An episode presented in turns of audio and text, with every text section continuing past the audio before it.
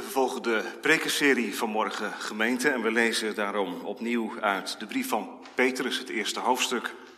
1 Petrus 1, de eerste twaalf versen, terwijl de tekst gevormd wordt door vers 6 tot en met 9. Dus de schriftlezing is 1 Petrus 1, vers 1 tot en met 12, de tekst vers 6 tot en met 9. We lezen het woord van de Heer als volgt. 1 Petrus 1. Petrus, een apostel van Jezus Christus aan de vreemdelingen in de verstrooiing. In Pontus, Galatië, Cappadocië, Azië en Bithynië. Uitverkoren overeenkomstig de voorkennis van God de Vader. Door de heiliging van de geest. Tot gehoorzaamheid en besprenkeling met het bloed van Jezus Christus. Mogen genade en vrede voor u vermeerderd worden. Geprezen zij de God en Vader van onze Heer Jezus Christus, die ons overeenkomstig zijn grote barmhartigheid opnieuw geboren deed worden tot een levende hoop, door de opstanding van Jezus Christus uit de doden tot een onvergankelijke, onbevlekte en onverwelkbare erfenis, die in de hemelen bewaard wordt voor u. U wordt immers door de kracht van God bewaakt door het geloof, tot de zaligheid, die gereed ligt om geopenbaard te worden in de laatste tijd. Daarin verheugt u zich, ook al wordt u nu voor een korte tijd, als het nodig is, bedroefd door allerlei verzoekingen, opdat de beproeving van uw geloof, die van groter waarde is dan die van goud, dat vergaat en door het vuur beproefd wordt, mag blijken te zijn tot lof en eer en heerlijkheid bij de openbaring van Jezus Christus. Hoewel u Hem niet gezien hebt, hebt u Hem toch lief. Hoewel u Hem nu niet ziet, maar gelooft, verheugt u zich met een onuitsprekelijke en heerlijke vreugde en verkrijgt u het einddoel van uw geloof, namelijk de zaligheid van uw zielen. Naar deze zaligheid hebben de profeten die geprofeteerd hebben over de genade die aan u bewezen is, gezocht en gespeurd. Zij onderzochten op welke en wat voor tijd de geest van Christus, die in hen was, doelde toen hij tevoren getuigde van het lijden dat op Christus komen zou. En ook van de heerlijkheid daarna. Aan hen werd geopenbaard dat zij niet zichzelf, maar ons dienden in de dingen die u nu verkondigd zijn door hen die u het evangelie verkondigd hebben door de Heilige Geest, die vanuit de hemel gezonden is. Dingen waarin de engelen begeerig zijn zich te verdiepen. Tot zover de schriftlezing. Straks na de preek zingen wij als gemeente Psalm 43, het vierde vers, die na kortstondig ongeneugd. Wat is dat, eh, kinderen? Ongeneugd. Nou, dat zijn al die lastige, moeilijke dingen in het leven. Die we allemaal meemaken, die ook Gods kinderen meemaken. Ongeneugd, die na kortstondig ongeneugd mij eindeloos verheugt. Laat dat ons antwoord mogen zijn. 43 vers 4, straks na de preek. Gemeente, misschien behoort u ook wel, behoor jij ook wel bij die mensen die een sportschool bezoeken. Dat hoeft natuurlijk niet, want je kunt het ook zonder sportschool. Hardlopen bijvoorbeeld, dopjes in je oren en dan zo'n digitale coach die je aanspoort, aanvuurt om door te gaan en grenzen te verleggen.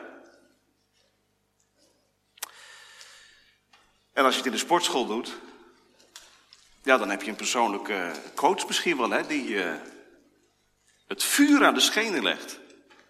Wat is dat voor beul? Nou, dat is geen beul. Dat is iemand die je conditie wil verbeteren. Daarom bezoek ik die sportschool en daarom trek ik een paar uur per week uit voor die, voor die hardlooprondjes. Precies. Het is wel zwaar, hè? Zeker. Het is echt pittig. Maar die coach heeft het beste met je voor. Dat weet je ook. Het is geen dictator. Het is een persoonlijke coach. Dat alledaagse voorbeeld moeten we maar even in gedachten houden als we het hebben over beproeving. En daar gaat het in de tekst heel nadrukkelijk over vanmorgen. Geloofsbeproeving, dat is dus een hele specifieke soort beproeving. Geloofsbeproeving. Iedereen maakt beproevingen mee, maar in de tekst gaat het over de beproeving die een christen meemaakt. De verstrooide vreemdelingen aan wie Petrus schrijft. In het eerste hoofdstuk. We staan stil bij drie gedachten vanuit de tekst. Allereerst letten we op de pijnlijke realiteit. Zo is het. Daar moeten we niet overheen en langs heen. Geloofsbeproeving is een pijnlijke realiteit. Kijk maar in vers 6. Daarin verheugt u zich, dat wijst terug naar het voorafgaande. Ook al wordt u nu voor een korte tijd, als het nodig is, bedroefd. Bedroefd. Pijn, verdriet. Verlies. Bedroefd door allerlei verzoekingen. Pijnlijke realiteit. In de tweede plaats de geestelijke zegen, want Petrus schrijft verder, wonderlijk. Eerst heeft hij het over verzoeking en dan in vers 7 over beproeving. Opdat de beproeving van uw geloof mag blijken te zijn tot lof en eer en heerlijkheid bij de openbaring van Jezus Christus. Blijkbaar zit er dus zegen in geloofsbeproeving. Tweede gedachte. En tot slot het heerlijke doel. Vers 8 en 9. Daar gaat het in vers 9 althans over het einddoel van het geloof, van uw geloof. En wat is dat dan? Geloofsbeproeving, de pijnlijke realiteit, de geestelijke zegen, het heerlijke doel. Allereerst dus de pijnlijke realiteit. Nou, als je de tekst leest, begint het daar niet mee, hè? Het begint met de vreugde. Daarin verheugt u zich. En dat wijst even terug naar wat Petrus al geschreven heeft over die erfenis. Weet u nog, vorige week, over die onvergankelijke, onverwelkelijke, onbevlekte erfenis die weggelegd is voor iedereen die Christus hartelijk lief heeft. Daarin mag je je verheugen, zegt Petrus.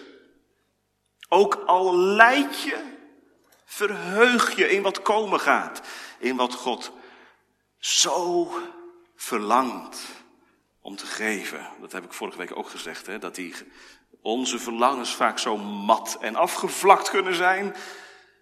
Ook als je de Heer kennen mag, maar dat er van de andere kant uit een God is in de hemel die er naar uitziet.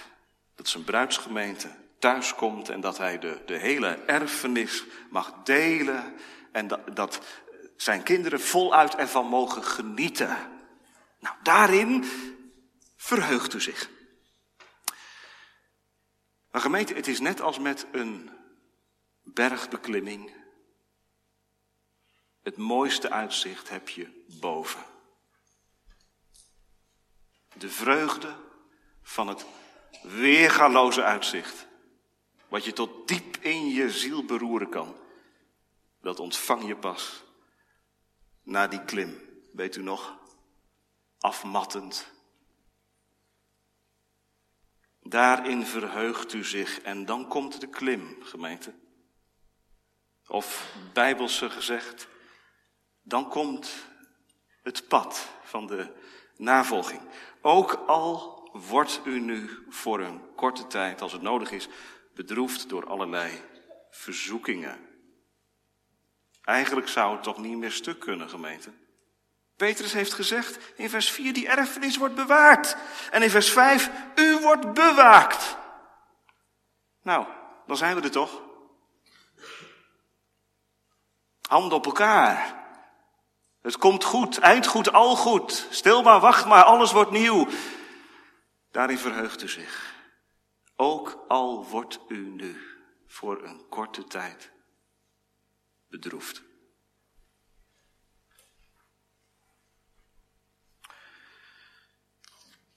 Kinderen, jullie zitten op school en zeker als je in de wat hogere groepen zit, dan krijg je toetsen.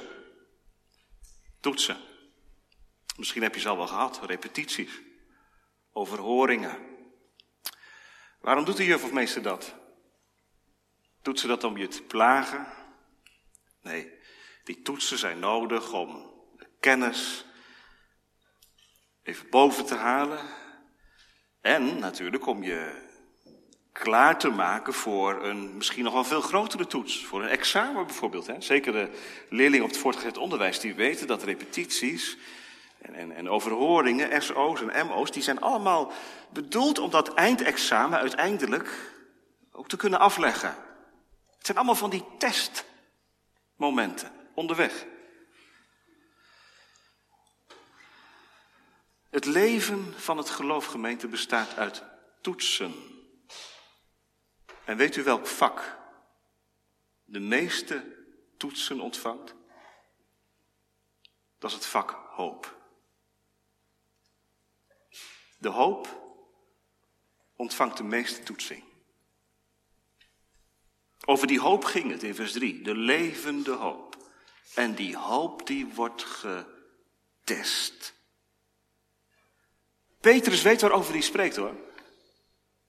De Satan wilde hem ziften als de tarwe. Kinderen, dat betekent dat de duivel probeerde om Petrus om te leggen. Het geloof af te nemen. Hij probeerde wat in zijn macht was. Om Petrus omver te krijgen. Waarom is dat niet gelukt? Weet je het antwoord? Ik heb voor u gebeden dat uw geloof niet zou ophouden. Deze Petrus schrijft deze brief. Nou, gemeente, dan weet je meteen waar die verzoekingen vandaan komen waar Petrus het over heeft. En die zoveel pijn en lijden en schade opleveren. Kijk even mee, vers 6. Verzoekingen, daar gaat het allereerst over. Die, die komen bij de duivel vandaan. Dat is de grote tegenspeler van God en de tegenhanger van een christen. Wij moeten door vele verdrukkingen ingaan in het koninkrijk van God. En ieder die achter Christus aankomt, krijgt zijn deel. Verzoekingen. Denk nou niet, dat zeg ik er wel meteen even bij, dat het leven met de Heer kommer en kwel is. Dat dat iets is om bedroefd van te worden. Dat staat er ook niet. Hè? Het leven met de Heer is niet droefenis. Maar in de omgang met de Heer is er wel Waarom? Heeft Jezus zelf niet gezegd tegen zijn discipelen, wie achter mij wil komen, nemen zijn kruis op, volgen mij, verloochenen zichzelf. Dat is een vast ingrediënt van het christelijke leven. Als je geen beproeving ondergaat, moet je geloven. De grootste verzoeking, zei Luther. Want ieder die gelooft in Christus ontvangt verzoekingen. Een tijdje geleden waren wij met het gezin uh, in Vlissingen. U weet, dat is een stad uh, aan het water. We reden met de auto langs de kade. En wij zagen daar bij een of andere firma enorm grote jachten liggen. Schitterend. Waarom lagen die grote jachten daar? Nou, vast niet alleen om naar te kijken. Die jachten zijn gebouwd om de stormachtige zee te bevaren. Zo'n jacht ligt daar niet jaren in de dok om, om te, weg te roesten. Dat moet de zee op. Dat moet door de golven heen. En dat moet de windslag vangen. Spurgeon gebruikt het voorbeeld om aan te geven dat kinderen van God niet in een vacuüm leven. Hij zegt dat kinderen van God zijn als het schip wat de, de zee opgeduwd wordt door de leidsman en dat daar storm en wind ondergaat. Op allerlei manieren, dat gaan we voor elkaar ook niet invullen vanmorgen, maar Blijkbaar kan het op veel manieren. Kun je op veel manieren verzoekingen ondergaan. Kijk maar in de tekst. Bedroefd door allerlei verzoekingen. Door een bonte verscheidenheid van verzoekingen. En voor de ene is dat lijden. Fysiek lijden. Lichamelijk lijden. En voor een ander is dat vooral het psychisch lijden. En voor een ander die daar geen last van heeft, kan het het lijden zijn van anderen. Wat ook jouw lijden wordt. Het lijden van deze tegenwoordige tijd wat op je drukt. Verzoekingen kunnen ook verleidingen zijn van deze tijd. Zonden waar je in je eertijd aan vasthield en waar je nu nog steeds last van hebt. Een zwakte in je karakter bijvoorbeeld. Waar de duivel gebruik van maakt om binnen te komen. Begeerte naar geld, naar werk, naar bezit. Goede dingen kunnen ook verzoekingen zijn. De duivel levert maatwerk en sluit aan bij je karakter, bij je persoonlijkheid, bij je levenssituatie. Nee, hij is niet alwetend, maar we weten wel uit de geschiedenis van Job dat hij op de hoogte is van heel veel. En hij heeft ervaring. Allerlei verzoekingen. Zitten er hier vanmorgen mensen? Vast wel, hè? Die zeggen, die verzoeking, die verzoeking. Ik heb er zo'n last van. Ik word erdoor bedroefd. Het doet me pijn. Wat willen die verzoekingen? De hoop uitdoven. Je van het rechte pad afhouden. De blik op Christus afwenden. En als iemand vanmorgen zegt, ja maar iedereen heeft toch verzoekingen. Of je nou in Christus bent of niet in Christus bent. Iedereen heeft toch te maken met verzoekingen, dat is ook zo. Niemands leven is roze geur en maneschijn. Maar wat is nou het eigene van de verzoeking in het leven van een christen? Dat is dat je Gods vertrouwen op de zee wordt gelegd. En dat gebeurde bij die vreemdelingen aan wie Petrus schrijft. Die tegendruk was zo hoog dat de hoop werd uitgeblust.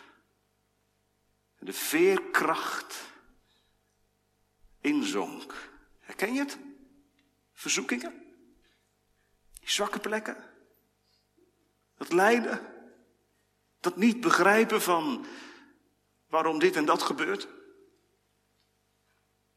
Kijk, als je niet van genade leeft vanmorgen, gemeente, dan waarschuw ik je vanmorgen, want dan heb je echt helemaal niets en niemand om jou vast te klampen in die tijden van verzoekingen.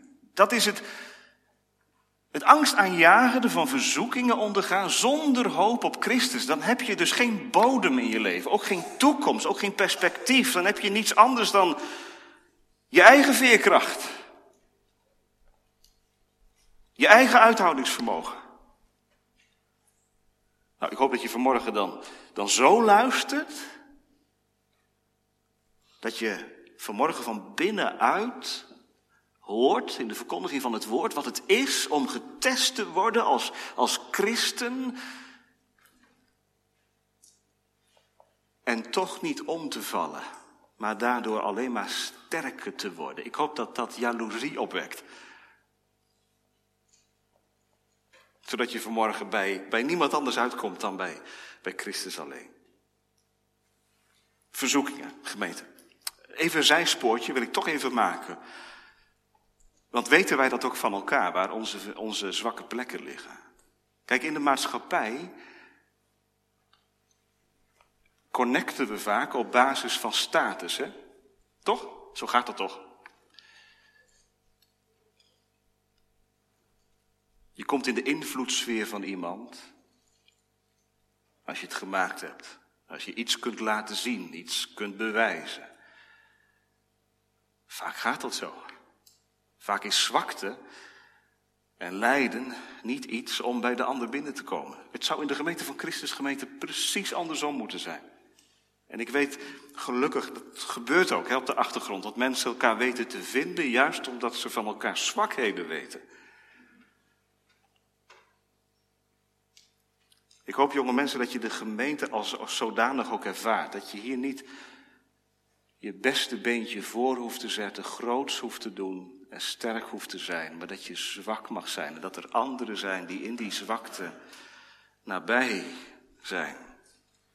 Paulus zegt toch in Romeinen 12, het lichaam van Christus is daarom lichaam van Christus. Omdat de hand niet tegen de voet zegt, ik heb je niet nodig. Maar omdat als er pijn is bij een van de ledematen, de andere er omgeven. Laten we dan bidden, gemeente. O God, geef mij oor en oog voor de nood van de ander. Die ik op het kerkplein tegenkom. In wiens ogen ik lees van, ja, verdriet misschien wel. Of, of raadsels. Wat kan nabijheid goed doen? Nou, is even zijn spoortje, maar ik wil hem toch even, even gaan met u. Nog even over vers, vers 6 en dan gaan we verder. Want twee dingen heb ik nog niet benoemd. Er staat, als u meeleest, dat het voor een korte tijd is en dat als het nodig is, u bedroefd wordt door allerlei verzoekingen. Korte tijd, het is dus begrensd, het is niet eindeloos. En als het nodig is, blijkbaar, gemeente, zit er iemand achter die weet wat je aankunt, die weet wat je belastbaarheid is. Blijkbaar zijn verzoekingen dus ook niet machten die zomaar willekeurig her en der binnenkomen in het leven en van alles aanrichten aan schade en, en God staat erbij te kijken. Nee, zegt Petrus, als het nodig is, blijkbaar is Gods vaderhand erin.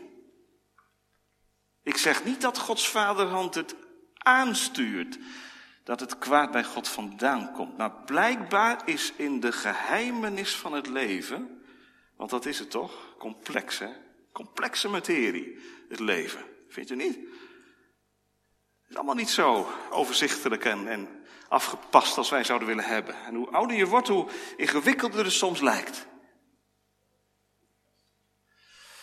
En toch, als het nodig is. Voor wie gemeente, voor wie met Maria stil zit aan de voeten van de Heer Jezus en niet met Delila het geheimenis van Simson wil ontrafelen. Is er troost in deze woordjes. Een korte tijd. Als het nodig is. Er is iemand die opzicht houdt over mijn leven. En wat er ook gebeurt. En al heeft het geloof ook die nachtzijde waarin je geen hand voor ogen ziet, maar dan nog is het waar. Wat Psalm 139 zegt. Voor God ligt de nacht op als de dag. Voor mij is de nacht echt nacht. Is het donker echt donker. Is het lijden echt lijden. Maar God is erin. En hoe? Het is een geheimenis. Petrus legt het ook niet uit. Maar hij deelt het wel mee. Als het nodig is. En dan gaan we naar de tweede gedachte. De geestelijke zegen. En ik kom even tegemoet aan de mensen die zeggen, waarom heeft een christen dit allemaal nodig? Ik dacht, zegt iemand, dat het geloof iets is wat je blij maakt.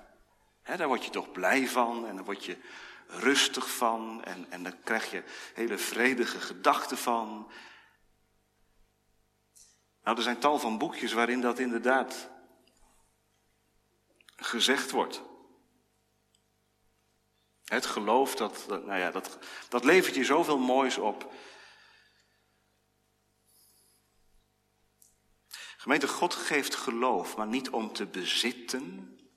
Het is geen pakketje wat je krijgt en wat je meedraagt je leven lang. God geeft geen geloof om te bezitten, maar, het, maar om het onder druk te zetten. Daarvoor maakt God van verloren zondaren kinderen van God, om ze onder druk te zetten. Om ze onder druk te zetten, ja, toch wel. Waarom? Die hoop, hè? Het leven kent veel toetsen, maar het vak hoop wordt het meest getoetst. Waarom? Waarom? Omdat het heen gaat naar de toekomst. En de hoop richt zich op de toekomst. En om die hoop levend te houden en vurig te houden, is er blijkbaar tegendruk nodig. En dat brengt ons dan bij vers 7. Dat is iets heel wonderlijks. Dat daar nu ineens staat, beproeving, snap je dat? In vers 6 ging het nog over verzoeking en dan ineens, nee, Petrus vergist zich niet, gaat het over beproeving, terwijl het gaat over hetzelfde. Eerst verzoeking. Vanuit het perspectief van de gelovigen, vanuit het perspectief van de Satan ook, verzoeking. En dan beproeving, vanuit het perspectief van God en van het geloof. Verzoekingen kunnen blijkbaar beproevingen worden. Houd het voor grote vreugde, zegt Jacobus ergens anders, als u in veel verzoekingen valt, weten dat de beproeving van uw geloof volharding uitwerkt. Dus iets kwaads kan een goede uitwerking hebben. En iets frustrerends kan geestelijke zegen in zich hebben. En iets wat tegen je lijkt, kan voor je zijn. He, wat Jozef aan het eind van zijn leven zegt. Wat mensen ten kwade hebben gedacht, heeft God ten goede gedacht. Nou, dat is het. Verzoeking, beproeving. Verzoekingen willen je kapot maken en die beproeving maakt je alleen maar sterker. Hoe kan dat nou? Dat kan alleen maar als er iemand is. Met een vaardige hand als van een meester.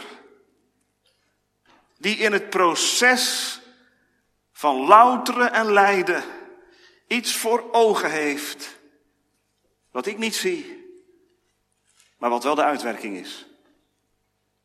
Nou ja, zoals met goud, wat beproefd wordt, dat beeld gebruikt, Petrus kinderen. Misschien ben je wel eens bij een smid geweest, die metaal heel heet stookt. Waarom doet hij dat? Omdat het beste metaal, en goud is toch wel een van de beste metalen, het beste metaal heeft nog onzuiverheden in zich. En die moeten eruit. Dat moet weg. Droesem. En als die ketel maar heet genoeg gestookt wordt, dan valt het uit elkaar. Dat duurt natuurlijk heel lang, hè, want goud heeft een heel hoge. Als je scheikundige bent, dan weet je het allemaal wel. Dat, hè. Het duurt heel lang voordat dat smelt en zo. Dus er moet heel veel vuur uit de pas komen. Maar op een gegeven moment dan smelt het. En dan de droesem maakt zich los van het pure goud. Ja, en dan hou je het pure goud over. En daar doe je toch voor als smid. Ja, en daar doe je het ook voor als je naar de juwelier gaat en je koopt eens een keer wat voor je vrouw. Nou, deze keer echt goud. Dan vraag je nog eens een keer aan de juwelier, is het echt goud? Ja meneer, zoveel karaat. Kijk maar, echtheidskeurmerk zit erop. Echt goud, geen namaak. Peter zegt, de beproeving van het geloof is nog van grotere waarde dan die van goud. Dat vergaat en door het vuur beproefd wordt. Is wat gemeente? Vroeger zeiden ze wel eens, er zit honing aan de roede. Honing aan de roede. Wat bedoelen ze daarmee? Nou, een roe is bedoeld om te slaan. En dat doet pijn. Maar als er honing aan de roede zit, dan zit er blijkbaar iets van zoetheid in dat wat pijn doet.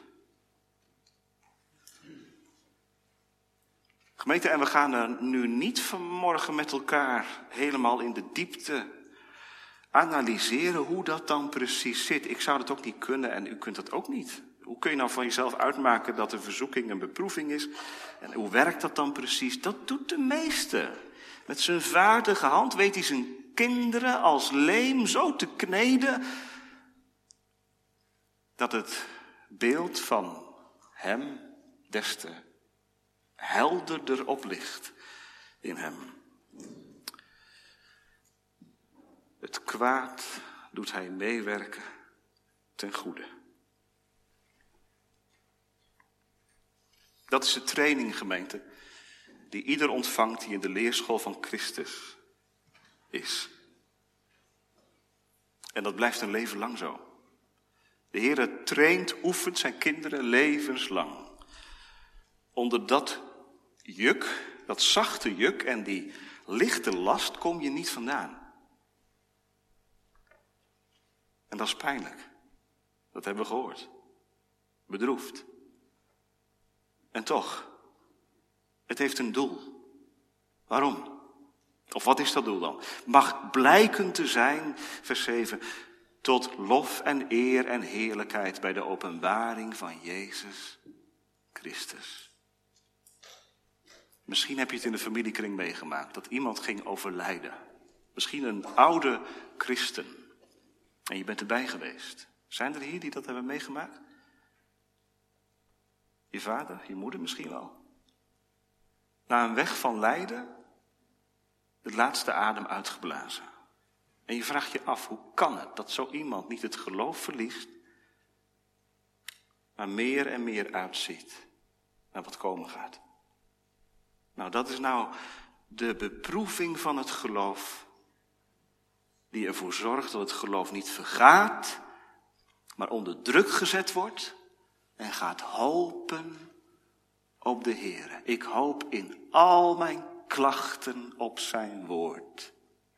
De psalmen zijn er vol van, van die paradox van het geloof. Dat, hoe het ook mocht tegenlopen, je toch op zijn goedheid hoopt. En je krijgt dat met je verstand niet op een rij. Hoe kan dat? Dat werd me afgenomen.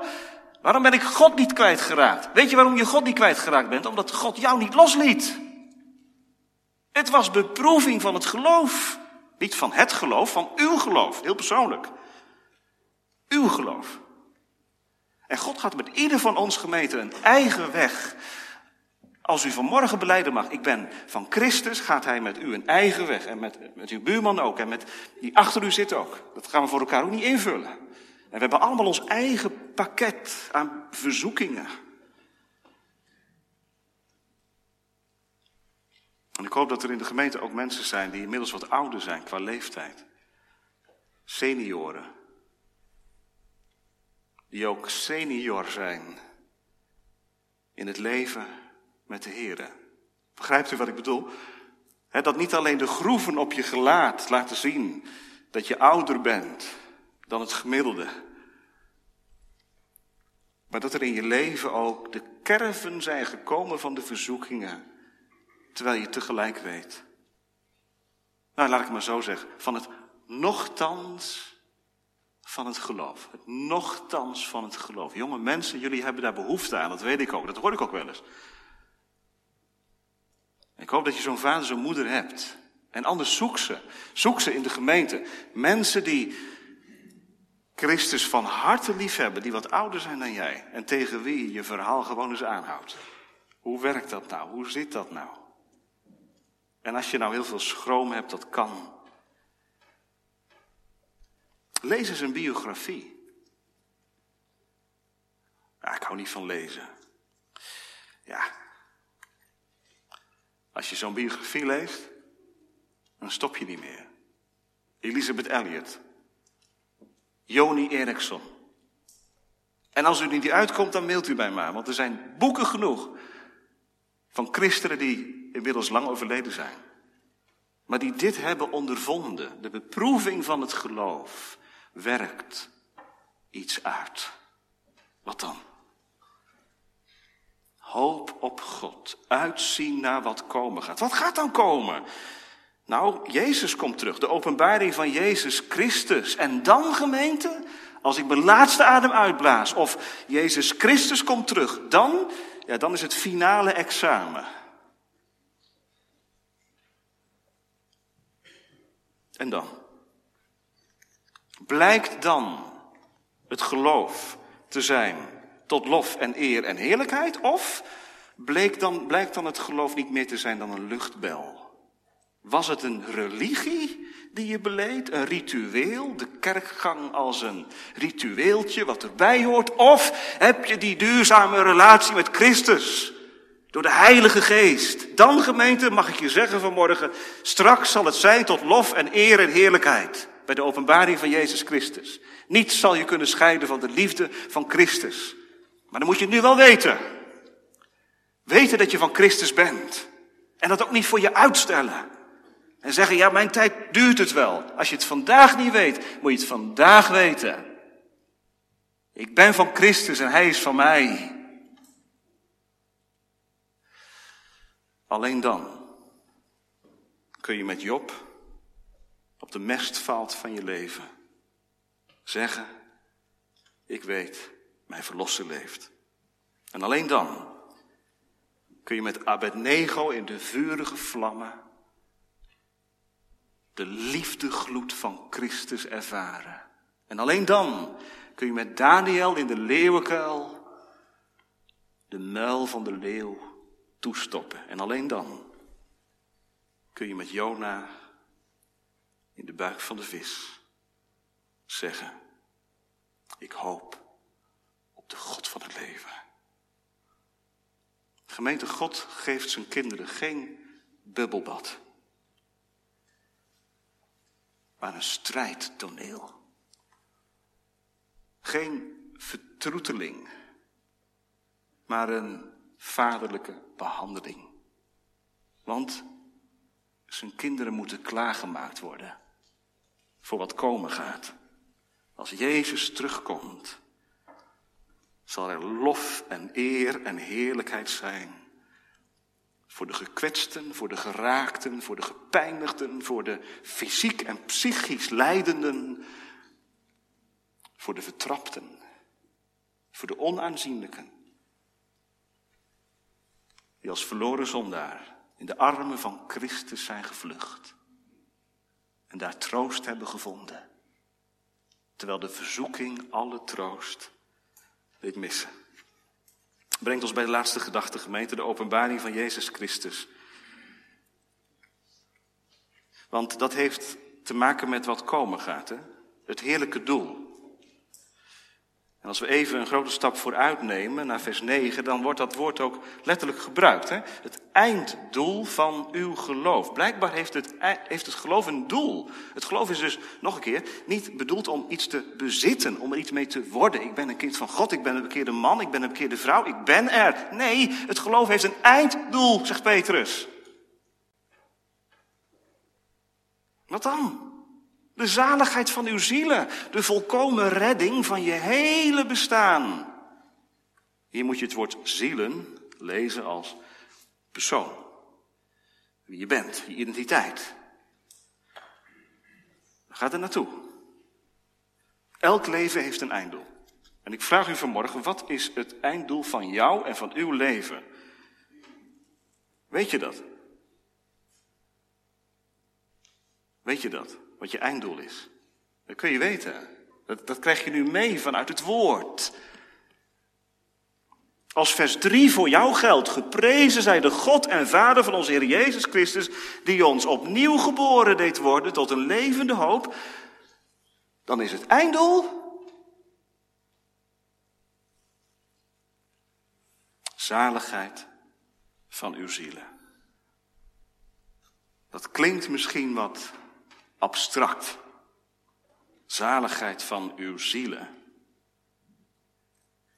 Maar het is als de tinteling die een jonge bruid, een jonge bruidegom, tot diep in zijn tenen ervaart als je uitziet naar de dag die komen gaat. De dag van de vereniging in het huwelijk. Wat kun je eruit zien?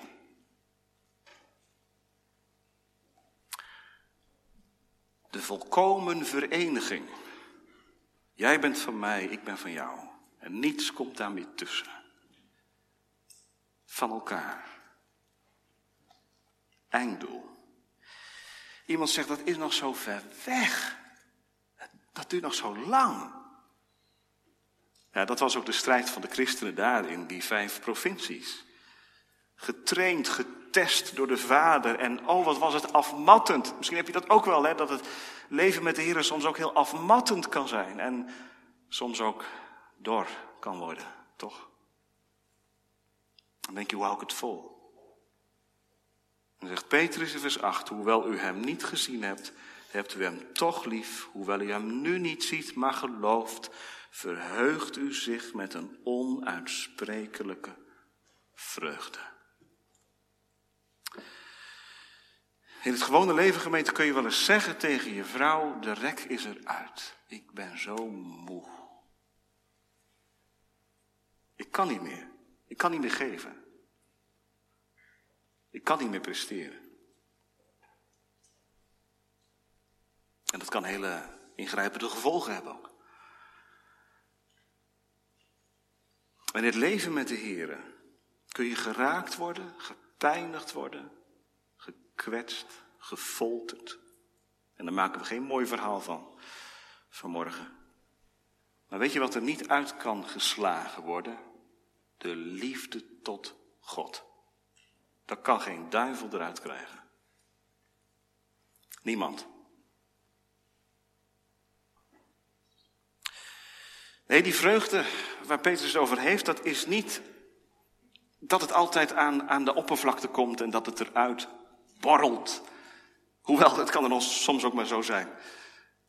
dat je al zingend, door de tranen heen, die onuitsprekelijke en heerlijke vreugde in je voelt opwellen. Hebt u dat nooit? Dat hoort ook bij het leven met de Heer. Nee, ik bedoel niet dat het hele bijzondere ervaringen moeten zijn en die je gaat verzamelen, maar het, dat is er wel. Dat er woorden op de lippen worden gelegd. De psalmen bijvoorbeeld, waaraan je je zo ophaalt. En dat die onuitsprekelijke, want dat is het. Je kunt er zelf geen woorden voor vinden, maar het wordt je van hogerhand geschonken dat die vreugde alles even wegspoelt. De realiteit wordt er niet anders door. Maar vers 8 wordt praktijk. Hoewel u hem nu niet ziet, maar gelooft, verheugt u zich met een onuitsprekelijke en heerlijke vreugde. Jonge mensen, dat is nou eigen aan uh, het christelijk geloof. In, in, in, het gewone leven kan dit niet. Hè? hoe kun je nou uh, je verheugen in iemand die je niet ziet? Je moet toch eerst iemand zien, wil je je kunnen vermaken om iemand, in iemand. Maar dat is geloof. Geloof richt zich op de onzienlijke. Zo hebben Abraham en Isaac en Jacob en Daniel en Job en Elia en Elisa en noem maar op. Al die figuren uit het Oude Testament geleefd. Als ziende de onzienlijke. Lees de schriften gemeente. En je vindt vers 8 bevestigd. Mannen en vrouwen. Kijk maar in Hebreeën 11. Mannen en vrouwen. Heen en weer geschud geraakt. En toch, ze zagen hem niet, maar ze zagen hem van verre door het geloof en ze verheugden zich. God is bezig, gemeente, om zijn kinderen te trainen. Want hij wil alle tweeslachtigheid, alle dubbelheid, alle flauwheid, alle laksheid, alle droesem eraf hebben. En ja, dan kun je zo ver komen dat je zegt met Jacobus, ik, ik acht het voor vreugde als ik in verzoekingen terechtkom. Want ik weet dat de verzoekingen beproeving, leidzaamheid, volharding teweeg brengen. Paulus zegt in Romeinen 5, vers 3, ik roem in dat wat mij tegenzit. En dat zegt hij niet als een stoïcijn, dat zegt hij als een mens met een hart. En dat zegt hij door het geloof. Ik roem in de verdrukking. Zalig ben je als je de verzoeking verdraagt. Want als je beproefd bent geweest, zul je de kroon ontvangen. Je hoeft God niet te bidden om tegenslag.